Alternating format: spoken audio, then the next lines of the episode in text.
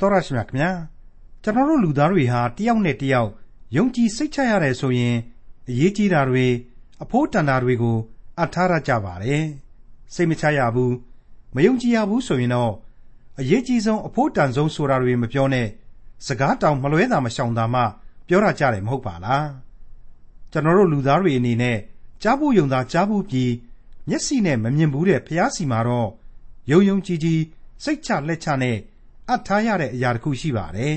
။အဲ့ဒီအရာကဘယ်အရာဖြစ်တယ်ဆိုတာကိုတွေ့ရမယ်။ခရိယန်သမာကျမ်းရဲ့ဓမ္မသစ်ကျမ်းပိုင်းတွေကတိမောသေဩဝါဒစာဒုတိယဆောင်အခန်းကြီး1အခန်းငယ်8ကနေအခန်းငယ်18အထိကို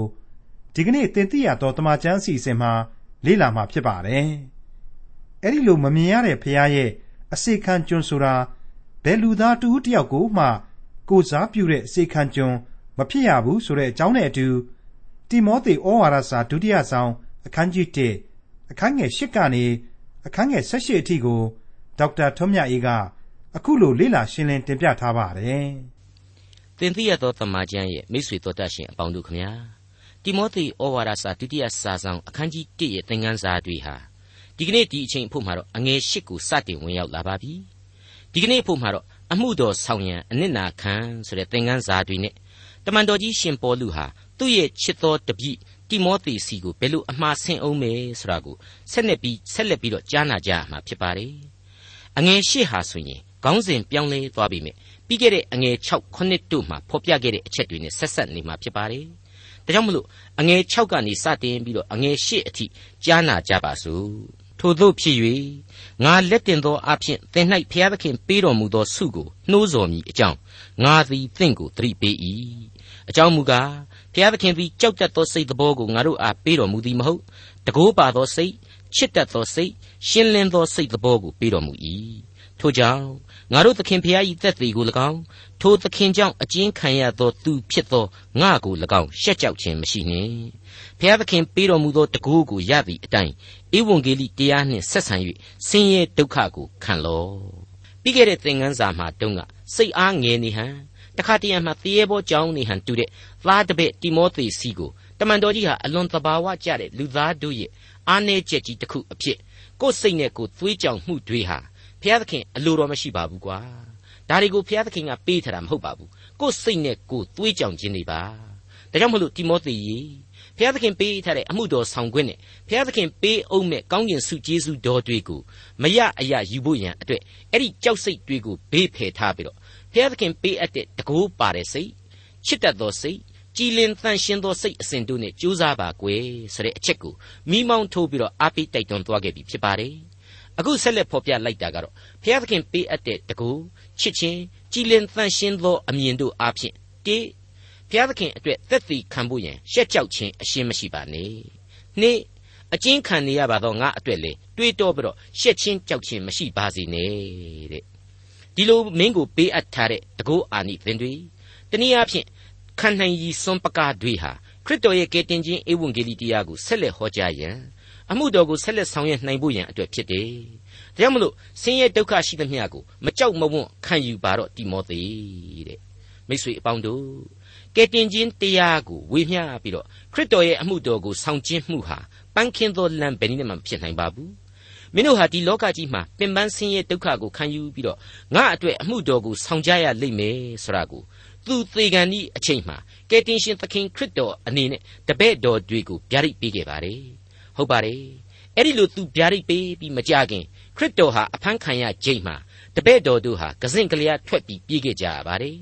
နောက်ပိုင်းခရစ်တော်ရှင်ပြန်ထမြောက်လာတဲ့အချိန်သခင်ဟာအမှန်တကယ်အသက်ရှင်တော်မူသောကယ်တင်ရှင်ဖြစ်တယ်ဆိုတာကိုသိသွားကြပြီးတော့သူတို့ဟာသခင်အတွက်အသေးခံပြီးတော့အသီးသီးကြရဂန္ဓကနေတာဝန်များကိုရသက်ပံထမ်းဆောင်သွားခဲ့ကြတယ်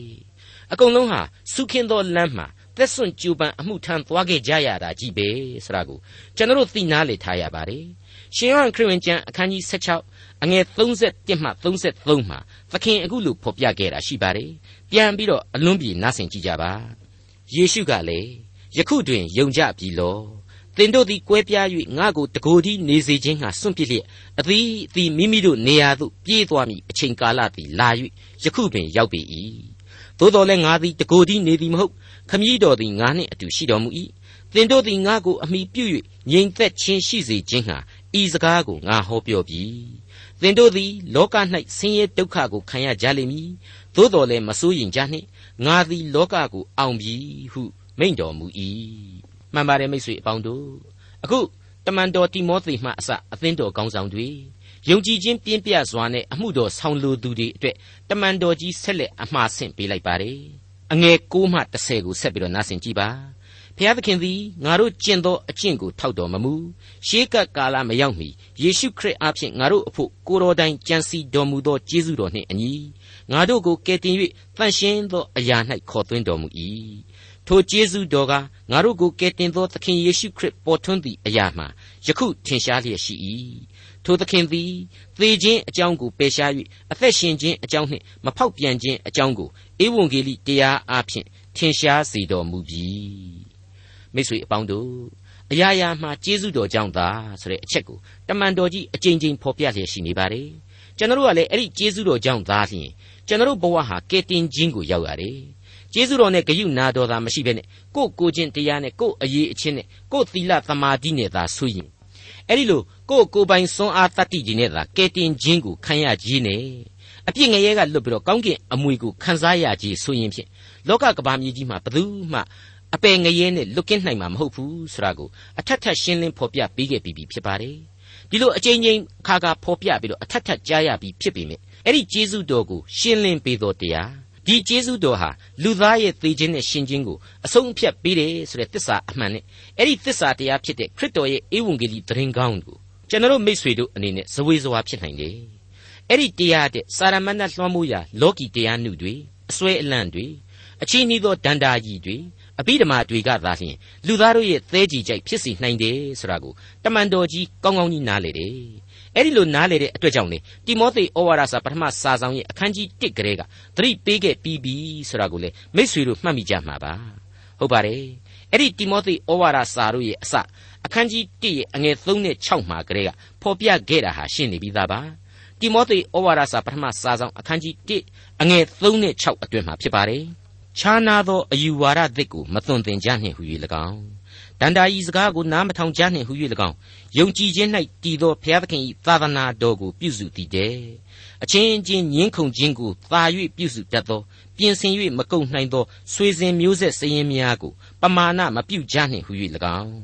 သင်သည်အချို့သောသူတို့ကိုပြညတ်ထား၍အေဖက်မြို့၌နေရစေခြင်းဟာငါသည်မာကေဒေါနိပြည်သို့သွားသောအခါတောင်းပန်သည့်အတိုင်းနေရလောထို့သောပြညတ်ထားခြင်းအချုပ်အခြာဟုမူကားစင်ကြယ်သောစိတ်နှလုံးနှင့်၎င်း ကိုကိုကိုသိသောစိတ်ကြည်လင်ခြင်းနှင့်၎င်းမှန်သောယုံကြည်ခြင်းနှင့်၎င်းဆက်ဆိုင်သောချစ်ချင်းမေတ္တာဖြစ်သည်ထိုသို့သောအကျင့်ကိုလူအချို့တို့သည်အမြဲမကျင့်အချီးနှီးသောစကားပြောခြင်းသို့လွှဲသွားကြပြီထိုသူတို့သည်မိမိတို့ပြောသောအရာကိုနားမလဲမိတ်ဆွေအပေါင်းတို့ခမညာဒါတွေဟာတစ္ဆာအမှန်တွေပါပဲယုံကြည်သူတို့မမှိတ်မသုံခံယူဖို့ရန်တမန်တော်ကြီးဟာအခုအပိုင်းတွေမှာ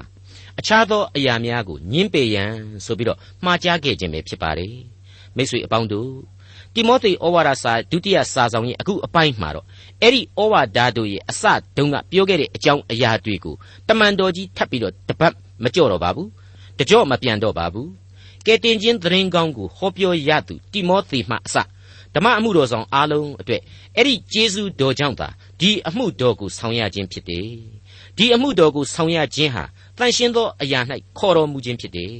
ခေါ်တော်မူခြင်းကြောင့်ဆောင်ရွက်ရသောတာဝန်ဟာလေအလွန်အလွန်မွန်မြတ်လှပါတယ်ဆိုတာကိုပဲဥတီဖော်ပြနေပါတယ်အငယ်9နဲ့10မှာပြန်ပြီးတော့ကြည်ပါဖျားသခင်သည်ငါတို့ကျင့်သောအကျင့်ကိုထောက်တော်မမူရှေးကပ်ကာလမရောက်မီယေရှုခရစ်အားဖြင့်ငါတို့အဖို့ကိုတော်တိုင်ကြံစီတော်မူသောကျေးဇူးတော်နှင့်အညီငါတို့ကိုကယ်တင်၍တန်ရှင်းသောအရာ၌ခေါ်သွင်းတော်မူ၏ ထိုကျေးဇူးတော်ကငါတို့ကိုကယ်တင်သောသခင်ယေရှုခရစ်ပေါ်ထွန်းသည့်အရာမှာယခုထင်ရှားလျက်ရှိ၏ထိုသခင်သည်သေခြင်းအကြောင်းကိုပယ်ရှား၍အသက်ရှင်ခြင်းအကြောင်းနှင့်မဖောက်ပြန်ခြင်းအကြောင်းကိုဧဝံဂေလိတရားအဖျင်ထင်ရှားစေတော်မူပြီမိတ်ဆွေအပေါင်းတို့ခမညာသေခြင်းအကြောင်းကိုပယ်ရှား၍အသက်ရှင်ခြင်းအကြောင်းမဖောက်ပြန်ခြင်းသစ္စာတရားတို့ရဲ့အကြောင်းကို သင်သိရသောတမန်ကျမ်းကနေတဆင့်အခုလိုတင်ပြပေးခွင့်ရတဲ့အတွက်ကြောင့်ဘုရားသခင်ရဲ့ကျေးဇူးတော်ကိုချီးမွမ်းထောမနာပြုလိုက်ရပါတယ်ဒီနေရာမှာကျွန်တော်ဟာသေခြင်းအကြောင်းကိုပယ်ရှား၍အသက်ရှင်ခြင်းအကြောင်းဆိုတာကိုရဲရဲတင်းတင်းကြီးရေးသားဖော်ပြပေးနေတဲ့တမန်တော်ကြီးရဲ့စိတ်ထဲမှာသူဒီဩဝါဒစာကိုရေးရင်းနဲ့ဘယ်လိုဘယ်လိုများခံစားနေရလေမလဲဒါကိုတွေးရင်တွေးရင်နဲ့ကိုယ်စိတ်နဲ့ကိုတွေးရင်အများကြီးရင်းနှင်းသီးတယ်လို့ပဲခံစားရပါတယ်တကယ်တော့ ဒီစာကိုရေးနေတဲ့နှစ်အတွင်းမှာပဲတမန်တော်ကြီးဟာယောမအာနာရှင်နီရိုဆိုတဲ့ဘယင်ယူရဲ့လက်ချက်နဲ့သေရတော့မှာဖြစ်ပါတယ်ဒီလောက်အထိဝိညာဉ်ရေးအမြင်ရှိတဲ့တမန်တော်ကြီးဟာအဲ့ဒီသေမင်းအရေးလွှမ်းမိုးရာဂျိုင်တဲကနေငါတော့မလွတ်နိုင်လောက်တော့ဘူးဆိုတာကိုသူ့စိတ်ဝိညာဉ်မှာသေချာပေါက်သိမှာပဲသိလို့သာလျှင်လေသူဟာသေတန်းစာဆန်လှတဲ့နောက်ဆုံးမှားကြားချက်တို့ကိုဒီဒုတိယမြောက်တိမောသေဩဝါဒစာအဆုံးနားမှာမှားကြားခဲ့သေးတာပဲ သိရနဲ့ဆက်ဆက်ထိုသခင်သည်သေခြင်းအကြောင်းကိုပယ်၍အသက်ရှင်ခြင်းအကြောင်းဖြစ်သည်လို့ယင်ကော့ပြီးပြောဝွန်းတာဟာစိတ်ထိကြိုက်ပွေတစ်ဖက်ကဖြစ်သလိုကြက်သိမ်းမွေးညင်းထစရာကောင်းလာတယ်လို့လည်းတွေးမိပါတယ်စိတ်ထိကြိုက်တယ်ဆရာဟာလူတွေကလူတယောက်အနေနဲ့အတွေးနဲ့ချဲ့ရာကခံစားရခြင်းပါတကယ်တကယ်တော့တမန်တော်ကြီးရဲ့ယုံကြည်ခြင်းနဲ့ဝိညာဉ်တတ္တိဆရာဟာအဲ့ဒီလိုလောကအသက်သေးခြင်းတဲ့ကြော်ပြီးတော့ သာဝရအသက်ရှင်ခြင်းစီးကိုသာစိတ်ဆွဲလန်းနေခဲ့တာပဲဆရာတွေးကိုတွေးလိုက်မိတဲ့အချိန်မှာတော့ရင်ထဲမှာစိတ်ငနေနေအောင်ထပ်မံခံစားရပြန်ပါတယ်ခရစ်တော်အဖင်ခံစားရဆုကျေးဇူးတော်ဟာဘလောက်အထိကြီးမားတယ်ကျွန်တော်လောကရန်လူသားတွေအတွက်ဒီကျေးဇူးတော်ဟာဘဝရည်ငြိမ်းချမ်းရေးဘဝဤအတိတ်ပဲလေးနဲ့ရည်တို့အတွက်ဘလောက်အထိမရှိမဖြစ်လိုအပ်နေတယ်ဆိုတာတွေ့ကိုပါဆက်ဆက်ပြီးတော့သတိတရားရရှိစေပါတယ်ထိုတရားသည်မဖောက်ပြန်ခြင်းတရားလည်းဖြစ်သည်ဆိုတာကိုလည်းဆက်ပြီးတော့ နည်းနည်းရှိုင်ရှိုင်စဉ်းစားမိဖို့လိုပါတယ်မိတ်ဆွေလူလောကမှာမဖောက်ပြန်တာဘာများရှိပါသလဲအကုန်လုံးတို့ဟာဖောက်ပြန်နေတာကြီးပဲဆိုတာကိုလူတိုင်းသိပါတယ်အဲ့ဒီကြားထဲကမဖောက်ပြန်သောတခုတည်းသောတရားကိုခရစ်တော်အားဖြင့်ခံစားရယူနိုင်ကြပါစေလို့လေးစားစွာဆုတောင်းမေတ္တာပို့သလိုက်ပါရစေတိမောသေဩဝါဒစာဒုတိယစာဆောင်အခန်းကြီး1အငယ်7နဲ့7ထိုတရားကိုဟောပြောသောသူအရာ၌၎င်းတမန်တော်အရာ၌၎င်း တပားမျိုးသားတို့၏ဆရာအရာ၌၎င်းငါ့ကိုခံထားတော်မူပြီထိုအကြောင်းကြောင့်ဤဆင်းရဲဒုက္ခကိုငါခံရ၏သို့တော်လည်းရှက်ကြောက်ခြင်းမရှိအဘယ်သူကိုငါယုံကြည်သည်ကိုငါသိ၏သူ၌ငါအပ်ထားသောအရာကိုလေထိုနေ့ရက်တိုင်အောင်စောင့်နိုင်တော်မူသည်ဟုငါသဘောကျ၏ဒီအပိုင်းကလေးကတော့တမန်တော်ကြီးရှင်ပေါလုဟာကိုကိုကိုတက်တည်တီးပေးလိုက်တာပဲ ငါလဲထုတ်နှင်ဤမြေပြင်ဝဲလို့ခေါင်းစဉ်ပေးတဲ့အပိုင်းကလေးပဲလို့ကျွန်တော်ဆိုချင်ပါတယ်ငါသိနာလေတယ်ငါခံယူတယ်အလေးအနက်လဲထားတယ်အိုးတိမောသေမင်းနဲ့တကွယုံကြည်သူအပေါင်းတို့ကိုတိုက်တွန်းနေတဲ့ငါကိုယ်တိုင်ဟာအဲ့ဒီသစ္စာတရားအတွက်ဖောက်ပြန်ခြင်းအရှင်မရှိရှက်ကြောက်ခြင်းလည်းမရှိလောကမြေပြင်မှာသေသည်အထိငါစောင့်သိသွားမယ်ဆိုတာကိုဖော်ပြပေးလိုက်တဲ့အတူတူပါပဲမိတ်ဆွေအပေါင်းတို့ခမညာအမှုတော်ကိုဆောင်ရမှာရှက်ကြောက်ခြင်းမရှိနဲ့ အနာခံဆောင်ရွက်ဆင်းရဲဒုက္ခကိုမမှုပါနဲ့လို့သူပြောခဲ့ပါတယ်အခုဆိုရင်သူပြောခဲ့တာဟာလေသက်သက်မဟုတ်ဘူးစကားအဖြစ်ကြားကောင်းယုံတာမဟုတ်ဘူးသူကိုယ်တိုင်ဟာဘလောက်အထိအလေးဂရုပြုတယ်လက်တွေ့လိုက်နာကျင့်သုံးတယ်အဲ့ဒီလိုရှင်သန်ရခြင်းအဖြစ်လေအသက်တာတန်ဖိုးဘလောက်ထိကြီးမားတယ်ဆိုတာကို तू သိတဲ့အတွက်ကြောင့် तू ဘလောက်ကျေနပ်အားရတယ်ဆိုတာကိုပါထည့်သွင်းဖော်ပြပေးလိုက်တာပါ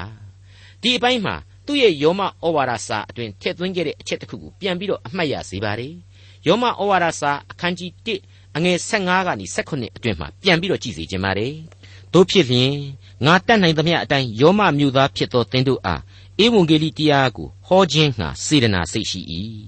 ငါသည်ခရစ်တော်၏ဧဝံဂေလိတရားကြောင့်ရှက်ကြောက်ခြင်းမရှိအကြောင်းမူကားထိုတရားသည်ရှေးဥစွာ၌ယူရလူနောက်၌ဟေလသလူ ယုံကြည်သမျှသောသူအပေါင်းတို့ကိုကဲတင်စေသောဘုရားသခင်၏တကိုးတော်ဖြစ်၏အဘယ်သို့ဖြစ်သည်ဟုမူကားဖြောက်မတ်သောသူသည်ယုံကြည်ခြင်းအပြင်အသက်ရှင်လိမ့်မည်ဟုကျမ်းစာလာသည်နှင့်အညီယုံကြည်ခြင်း၌တည်သောဘုရားသခင်၏ဖြောက်မတ်ခြင်းတရားသည်ယုံကြည်ခြင်းအဖို့အလို့ငှာဧဝံဂေလိတရားအပြင်ထင်ရှားလျက်ရှိ၏အမှန်တရားပါမိတ်ဆွေလူအပေါင်းတို့ရဲ့အသက်ကိုကယ်တင်ဖို့အလုပ်ဟာရှက်ကြောက်စရာအလုပ်မဟုတ်ပါဘူးစေတနာနဲ့ဆောင်ရွက်ရသောအမှု ချစ်၍ထမ်းရဝန်လို့ပဲဆိုပြရစီသူ၌ငါအပ်ထားသောအရာကိုလေထိုနေ့ရဲ့တိုင်အောင်စောင့်နိုင်တော်မူသည်ဟုငါသဘောကျ၏တဲ့ဘုရားသခင်ထံမှလူသားအပ်ထားသောအရာတဲ့မဆမ်းဘူးလားအဲ့ဒါဟာသူ့ကိုယုံကြည်မျှော်လင့်ခြင်းပါပဲထိုနေ့ရဲ့တိုင်အောင်ဘုရားသခင်ဟာစောင့်နိုင်တော်မူတယ်ဆိုတာကတော့အတိုင်းအဆမရှိသောနောက်ဆုံးအချိန်ကိုရည်ညွှန်းဖော်ပြပါတယ်အနန္တကာလကျေးဇူးတော်ကိုခံစားစေတော်မူမည်ဆိုတဲ့အတိတ်ပဲနဲ့အတူတူပါပဲ အဲ့ဒီလိုအဖဖျားသခင်ဟာစောင့်နိုင်တော်မူတယ်ဆိုတာကိုတမန်တော်ကြီးရှင်ပေါလုကဖော်ပြပေးလိုက်တော့ကျွန်တော်လူသားတို့၌အပ်ပေးသောကျေးဇူးတရားတို့ကိုထိုနေ့ရဲ့ဆိုတဲ့ကာလမပြောနဲ့ကိုယ့်ရဲ့တူတောင်းလှသောအသက်တာကာလအတွင်းမှာတောင်းမှကျွန်တော်လူသားတွေဟာစောင့်ကြက်နိုင်ကြပါရဲ့လားသီးခံစောင့်စားနိုင်ကြပါရဲ့လားဆိုတဲ့အတွေးများနဲ့ကျွန်တော်များစွာယင်မောမိပါတယ်တိမောသေဩဝါဒစာဒုတိယစာဆောင်အခန်းကြီး1အငယ်73နဲ့14 ငါထံ၌ကြားရပြီးသောစင်ကြယ်သောတရားစကားအချုပ်အခြာကိုယေရှုခရစ်၌ယုံကြည်ခြင်းချစ်ခြင်းနှင့်တကွဆွဲလန်းလော့သင်၌အထားသောအရာမြတ်ကိုငါတို့၌ကျင့်ဝတ်တော်မူသောတန်ရှင်းသောဝိညာဉ်တော်အားဖြင့်စောင့်ရှောက်လော့မိတ်ဆွေဖျားသခင်ဘက်ကသာလျှင်လူသားတို့ကိုအစဉ်စောင့်ရှောက်တော်မူသည်ဂရိတော်အတိုင်းကျေးဇူးကိယူနာတော်ဟာအစဉ်သာဝရတည်တတ်နေသည် လူသားတို့ဘက်မှာကတော့ကိုယ့်အသက်တာနေ့ရဲ့ကာလကလေးတွေမှာတောင်းမှသူ့ကျေးဇူးတရားကိုစောင့်ရှောက်ဖို့ခက်ခဲလှတယ်ဆိုတာကိုအခုဖော်ပြချက်ဟာအခိုင်အမာတင်ပြပေးလျက်ရှိနေပါတယ်ဒါပေမဲ့အပြစ်တင်ခြင်းသဘောတဲ့ယူယူရရတိုက်တွန်းအားပေးလိုက်တယ်လမ်းညွှန်လိုက်တယ်လို့ကျွန်တော်ဆိုချင်ပါတယ်မှန်ပါတယ်ယေရှုခရစ်၌ယုံကြည်ပါချစ်ချင်းရှိပါစွဲလန်းခြင်းရှိပါ ပြီးတော့ငါတို့၌ကျင့်ဝတ်တော်မူသောတန်ရှင်းသောဝိညာဉ်တော်အားဖြင့်ခွန်အားကိုရယူပြီးတော့ယုံကြည်ခြင်းတရားကိုဆက်လက်စောင့်ရှောက်ပေးပါတဲ့မိတ်ဆွေအပေါင်းတို့တန်ရှင်းသောဝိညာဉ်တော်ရဲ့ခွန်အားဆိုတော့ကြွက်သားကြီးတွေဗလကြီးတွေလိုကြီးလာပြီးတော့အုံနောက်မှာလည်းကလပ်စီအသစ်တွေနဲ့လူကရုပ်ပိုင်းဆိုင်ရာဘက်မှာတိုးတက်လာမှတန်ရှင်းသောဝိညာဉ်တော်ခွန်အားတိုးတက်လာရမှာလားဆိုပြီးတော့တွေးเสียရှိပါတယ်အဲ့ဒီလိုမဟုတ်ပါဘူးဝိညာဉ်တော်ရဲ့အသီးအပွင့်များဟာ ချစ်ချင်းမေတ္တာတရားကစပြီးတော့ဘာတွေတိုးတက်လာရတယ်ယင်းနှင့်အမျှဘယ်လိုသတ္တိတွေပွားများလာရတယ်ဆိုတာကိုဂလာတိဩဝါဒစာအခန်းကြီး9အငယ်22နဲ့23တို့မှာကျွန်တော်ပြန်ပြီးတော့ကြည်နိုင်ပါတယ်ဝိညာဉ်ပဂရိအကျိုးမူကားချစ်ချင်းဝမ်းမြောက်ခြင်းငြိမ်သက်ခြင်းစိတ်ရှည်ခြင်းကျေးဇူးပြုခြင်းတောင်းမြတ်ခြင်းသစ္စာဆောင်ခြင်းနူးညံ့သိမ်မွေ့ခြင်းကာမဂုဏ်ချုပ်တီးခြင်းပေတည်းထို့သောသောအကျင့်ကိုအဘယ်တရားမျှမမြစ်တာ ကောင်းတာကိုကြည့်ရင်ကောင်းတာပဲဖြစ်မှာပါပဲကွာဆိုတဲ့တရားမှန်သရွေ့နဲ့လေဒီဝိညာဉ်ပဂရိဟာသက်ဆိုင်တာပဲဒီဝိညာဉ်ပဂရိရဲ့သဘောတရားဟာပါဝင်နေတာပဲဆိုတာကိုဒီဂလာတိဩဝါဒစာဟာဖော်ပြပါတယ်ဒါပေမဲ့ခြားနာချက်ကြီးကိုတော့အဲ့ဒီကျမ်းမှာပဲအငယ်24နဲ့25ပြီးတဲ့နောက်ဂလာတိဩဝါဒစာအခန်းကြီး6အငယ်8တို့ဟာအခုလိုပိုင်းခြားဖော်ပြပေးလိုက်ပါတယ်ခရစ်တော်နှင့်ဆက်ဆိုင်သောသူတို့သည်ဇာတိပဂရိကို၎င်း ဇာတိပဂရိစိတ်များနှင့်အလိုဆန္ဒများကို၎င်းလက်ဝါးကတ်တိုင်မှရိုက်ထားကြပြီတို့ဖြစ်၍ငါတို့သည်ဝိညာဉ်ပဂရိကြောင့်အသက်ရှင်လျင်ဝိညာဉ်ပဂရိအတိုင်းကျင့်ကြကုန်အံ့မိမိဇာတိပဂရိ၌မျိုးစိတ်ကျဲသောသူသည်ဇာတိပဂရိအဖြစ်ပုတ်ပြက်ခြင်းအသီးအနှံကိုရရလိမ့်မည်ဝိညာဉ်ပဂရိ၌မျိုးစိတ်ကျဲသောသူသည်ဝိညာဉ်ပဂရိအဖြစ်သာဝရအသက်ရှင်ခြင်းအသီးအနှံကိုရရလိမ့်မည်တဲ့ပန်ပါတယ်မိတ်ဆွေ ယေရှုခရစ်၌ယုံကြည်ခြင်းချစ်ခြင်းဆွဲလန်းခြင်းတန်ရှင်းသောဝိညာဉ်တော်အဖြစ်ယုံကြည်ခြင်းတရားကိုစောင့်ရှောက်ခြင်းဟာသာဝရအသက်လမ်းရဲ့အဓိကလိုအပ်ချက်တွေပဲဖြစ်ကြောင်းလေးစားစွာတင်ပြလိုက်ပါရစေမိတ်ဆွေအပေါင်းတို့ဒီအချက်တွေတစ်ခုချင်းဆက်ဆက်ပေးနေတဲ့သင်ခန်းစာတဏ္ဍတလျားကိုစဉ်းစားလိုက်မယ်ဆိုရင်အခုတိမောသေဩဝါဒစာရဲ့ကျမ်းပိုင်းတွေဟာနောက်ထပ်အလေးနဲ့ပြုဖို့ရန်သစ္စာတရားမှန်တစ်ခုကိုလေမိမောင်းထုတ်ဖော်ပြပေးနေပြန်တယ်လို့ကျွန်တော်ဆိုချင်ပါတယ် အလွန်အရေးကြီးလာတဲ့ဓမ္မရေးသစ္စာတစ်ချက်ပါဟုတ်ပါတယ်ခမည်းတော်ဒီဟုသောအနန္တတကုရှင်ဘုရားသခင်ရဲ့ကျေးဇူးတော်ကယ်တင်ရှင်ဖြစ်တော်မူသောသားတော်သခင်ခရစ်တော်ရဲ့မေတ္တာတော်နဲ့တကွတန်ရှင်းသောဝိညာဉ်တော်ရဲ့စောင့်ထိန်လမ်းပြတော်မူခြင်းဆိုတဲ့သုံးပါးတဆူဖြစ်တော်မူသောဘုရားသခင်ရဲ့တည်ရှိခြင်းကိုအခုသင်ခန်းစာအပေါင်းတို့ဟာစုပေါင်းဖော်ပြပေးနေတယ်လို့ကျွန်တော်တို့မြင်နိုင်ပါလိမ့်မယ်အခုတိမောသေဩဝါဒစာဒုတိယစာဆောင်အခန်းကြီး1ရဲ့အငယ်8မှာဆိုရင် ဘုရားသခင်ပေးသောတကူကိုခံရသည့်အတိုင်းဧဝံဂေလိတရားနှင့်ဆက်ဆံ၍ဆင်းရဲဒုက္ခကိုခံလော့ဆိုပြီးတော့တွေ့ရပါတယ်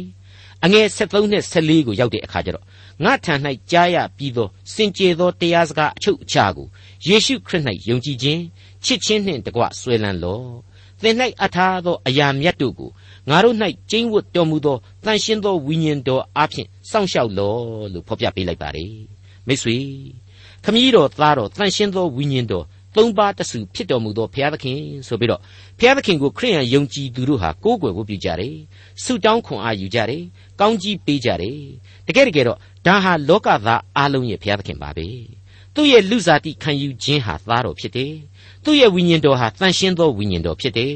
သူ့ရဲ့လူစားတိကိုခံယူပြီးတော့သားတော်ကယ်တင်ရှင်သခင်ခရစ်တော်အဖြစ်အသက်တော်ကိုစွန့်ခြင်း ရှင်ပြန်ထမြောက်တော်မူခြင်းနဲ့ဘုန်းတော်ကိုဝင်စားခြင်းမရှိဘဲနဲ့ခရိယန်တို့ရဲ့ယုံကြည်ခြင်းဖြစ်တဲ့ကယ်တင်ခြင်းကျေးဇူးတော်ဆရာဟာပေါ်လာစရာအကြောင်းအရှင်းမရှိသလိုသူ့ရဲ့ဝိညာဉ်တော်ဟာမျက်မှောက်ခေကျွန်တော်တို့ကိုလမ်းပြစောင့်ထိန်ခြင်းလည်းမရှိဘူးဆိုရင်ကျွန်တော်တို့ဟာချိနဲ့အားပြောနေတဲ့အပြစ်သားလူဘဝခရီးစဉ်တစ်လျှောက်မှာပျောက်သောလမ်းမှာစံတဝါသာလျှင်အစဉ်တစိုက်ဖြစ်နေကြရမယ်လူသားတို့ဖြစ်တဲ့အကြောင်းတင်ပြလိုက်ပါတယ် အဲ့ဒီလိုသုံးပါးတဆူဖြစ်တော်မူခြင်းရဲ့တစ္ဆာတရားအမှန်ကိုအေဖက်ဩဝါဒစာအခန်းကြီး1ရဲ့အငယ်6ကနေ14အတွင်းမှာတမန်တော်ကြီးရှင်ပေါလုအခုလိုအကျယ်တွင်ဖော်ပြခဲ့တာရှိပါသေးတယ်ဖျားသခင်သည်နှလုံးသွင်းတော်မူသောစေတနာတော်နှင့်လျော်သောအလိုတော်ဤနည်းနည်းသောအရာကိုငါတို့အားပြတော်မူ၏ထိုနည်းနည်းသောအရာဟုမူကားကာလအချိန်စေ့စုံခြင်းဤသာသနာတွင်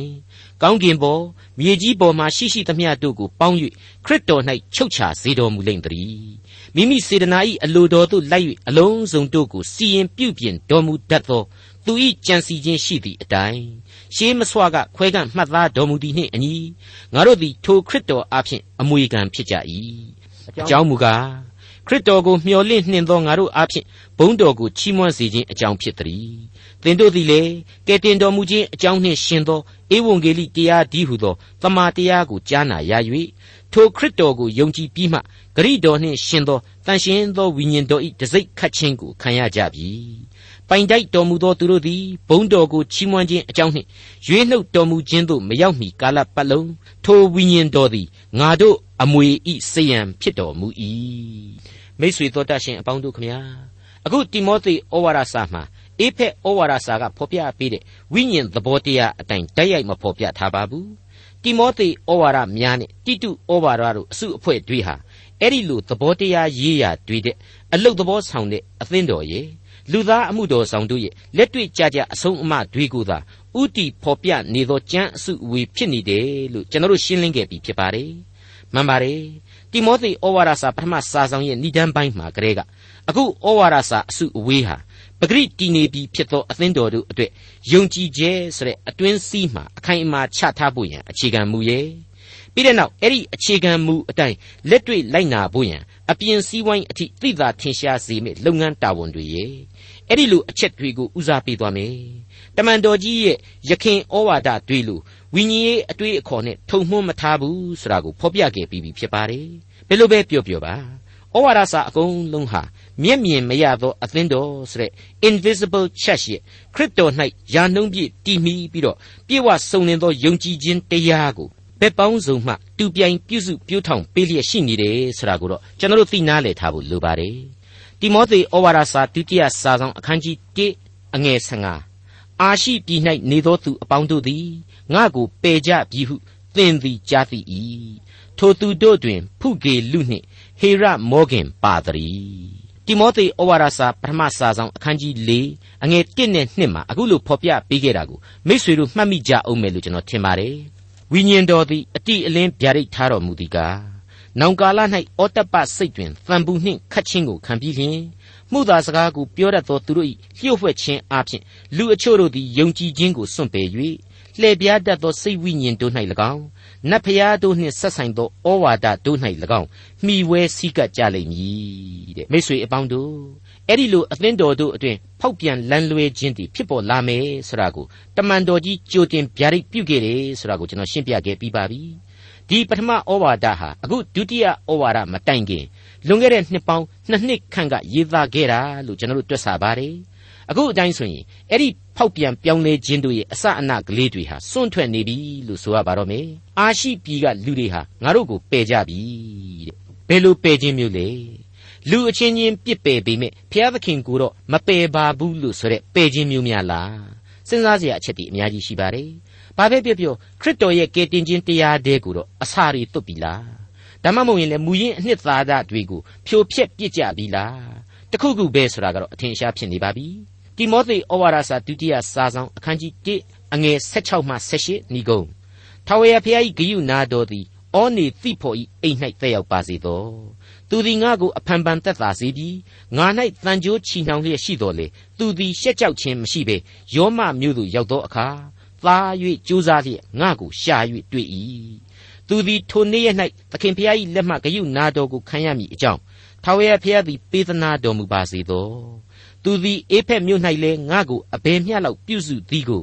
သင်သည်အမှန်သိ၏တမန်တော်ကြီးရဲ့ပုဂ္ဂိုလ်ရေးဆိုင်ရာဖော်ပြချက်တွေဟာကိုယ်ပိုင်ဆန္ဒစော သို့မဟုတ်ဆန္ဒဆွဲကင်းရှင်းစွာနဲ့ဖော်ပြခြင်းတွေပဲဖြစ်ရလိမ့်မယ်လို့ကျွန်တော်လေးနဲ့စွာယုံကြည်ပါတယ်။သူနှစ်သက်တဲ့လူသူမနှစ်သက်တဲ့လူဆိုတဲ့အချက်တွေးပေါ်မှာသူဟာစီးသားခြာနာအပြစ်တင်ခြင်းချီးမွမ်းခြင်းကြိမ်ဆဲခြင်းကောင်းကြီးပေးခြင်းပြုနေတာမဖြစ်နိုင်ဘူးလို့ကျွန်တော်ခံယူပါတယ်။ဘာဖြစ်လဲဆိုတော့သူဟာယေရှုခရစ်တမန်တော်ဖြစ်တယ်လို့အစေခံကျွန်ဆိုတာကိုကျွန်တော်တို့တွေ့မြင်ရပြီးဖြစ်ခဲ့ပါတယ်။သူ့ရဲ့အသက်တာဟာ ခရစ်တော်၏အသင်းတော်အတွက်စွန့်စားမြုပ်နှံခဲ့သောအသက်တာဖြစ်ပါတယ်။ဘယ်အမည်နာမရှိသောလူတဦးတယောက်ကိုမျှကိုစားပြုခဲ့သောအစေခံကျွန်တမန်တော်ကြီးမဟုတ်ခဲ့ပါဘူး။ဇာတိပဂရိယလူသားတယောက်သာဖြစ်တဲ့သူ့မှာအပြစ်အနာအဆာမရှိ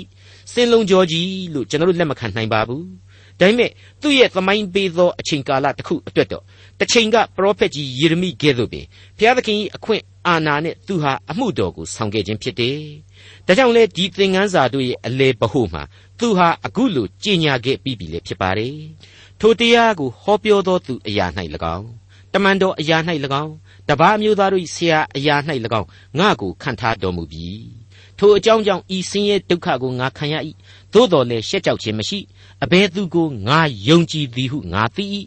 သူ၌ငါအပ်ထားသောအရာကိုလေထိုနေ့ရက်တိုင်အောင်စောင့်နိုင်တော်မူသည်ဟုငါသဘောကျ၏ ဒေါက်တာထွန်းမြတ်ရေး စီစဉ်တင်ဆက်တဲ့တင်ပြတော်တမချန်း အစီအစဉ်ဖြစ်ပါတယ်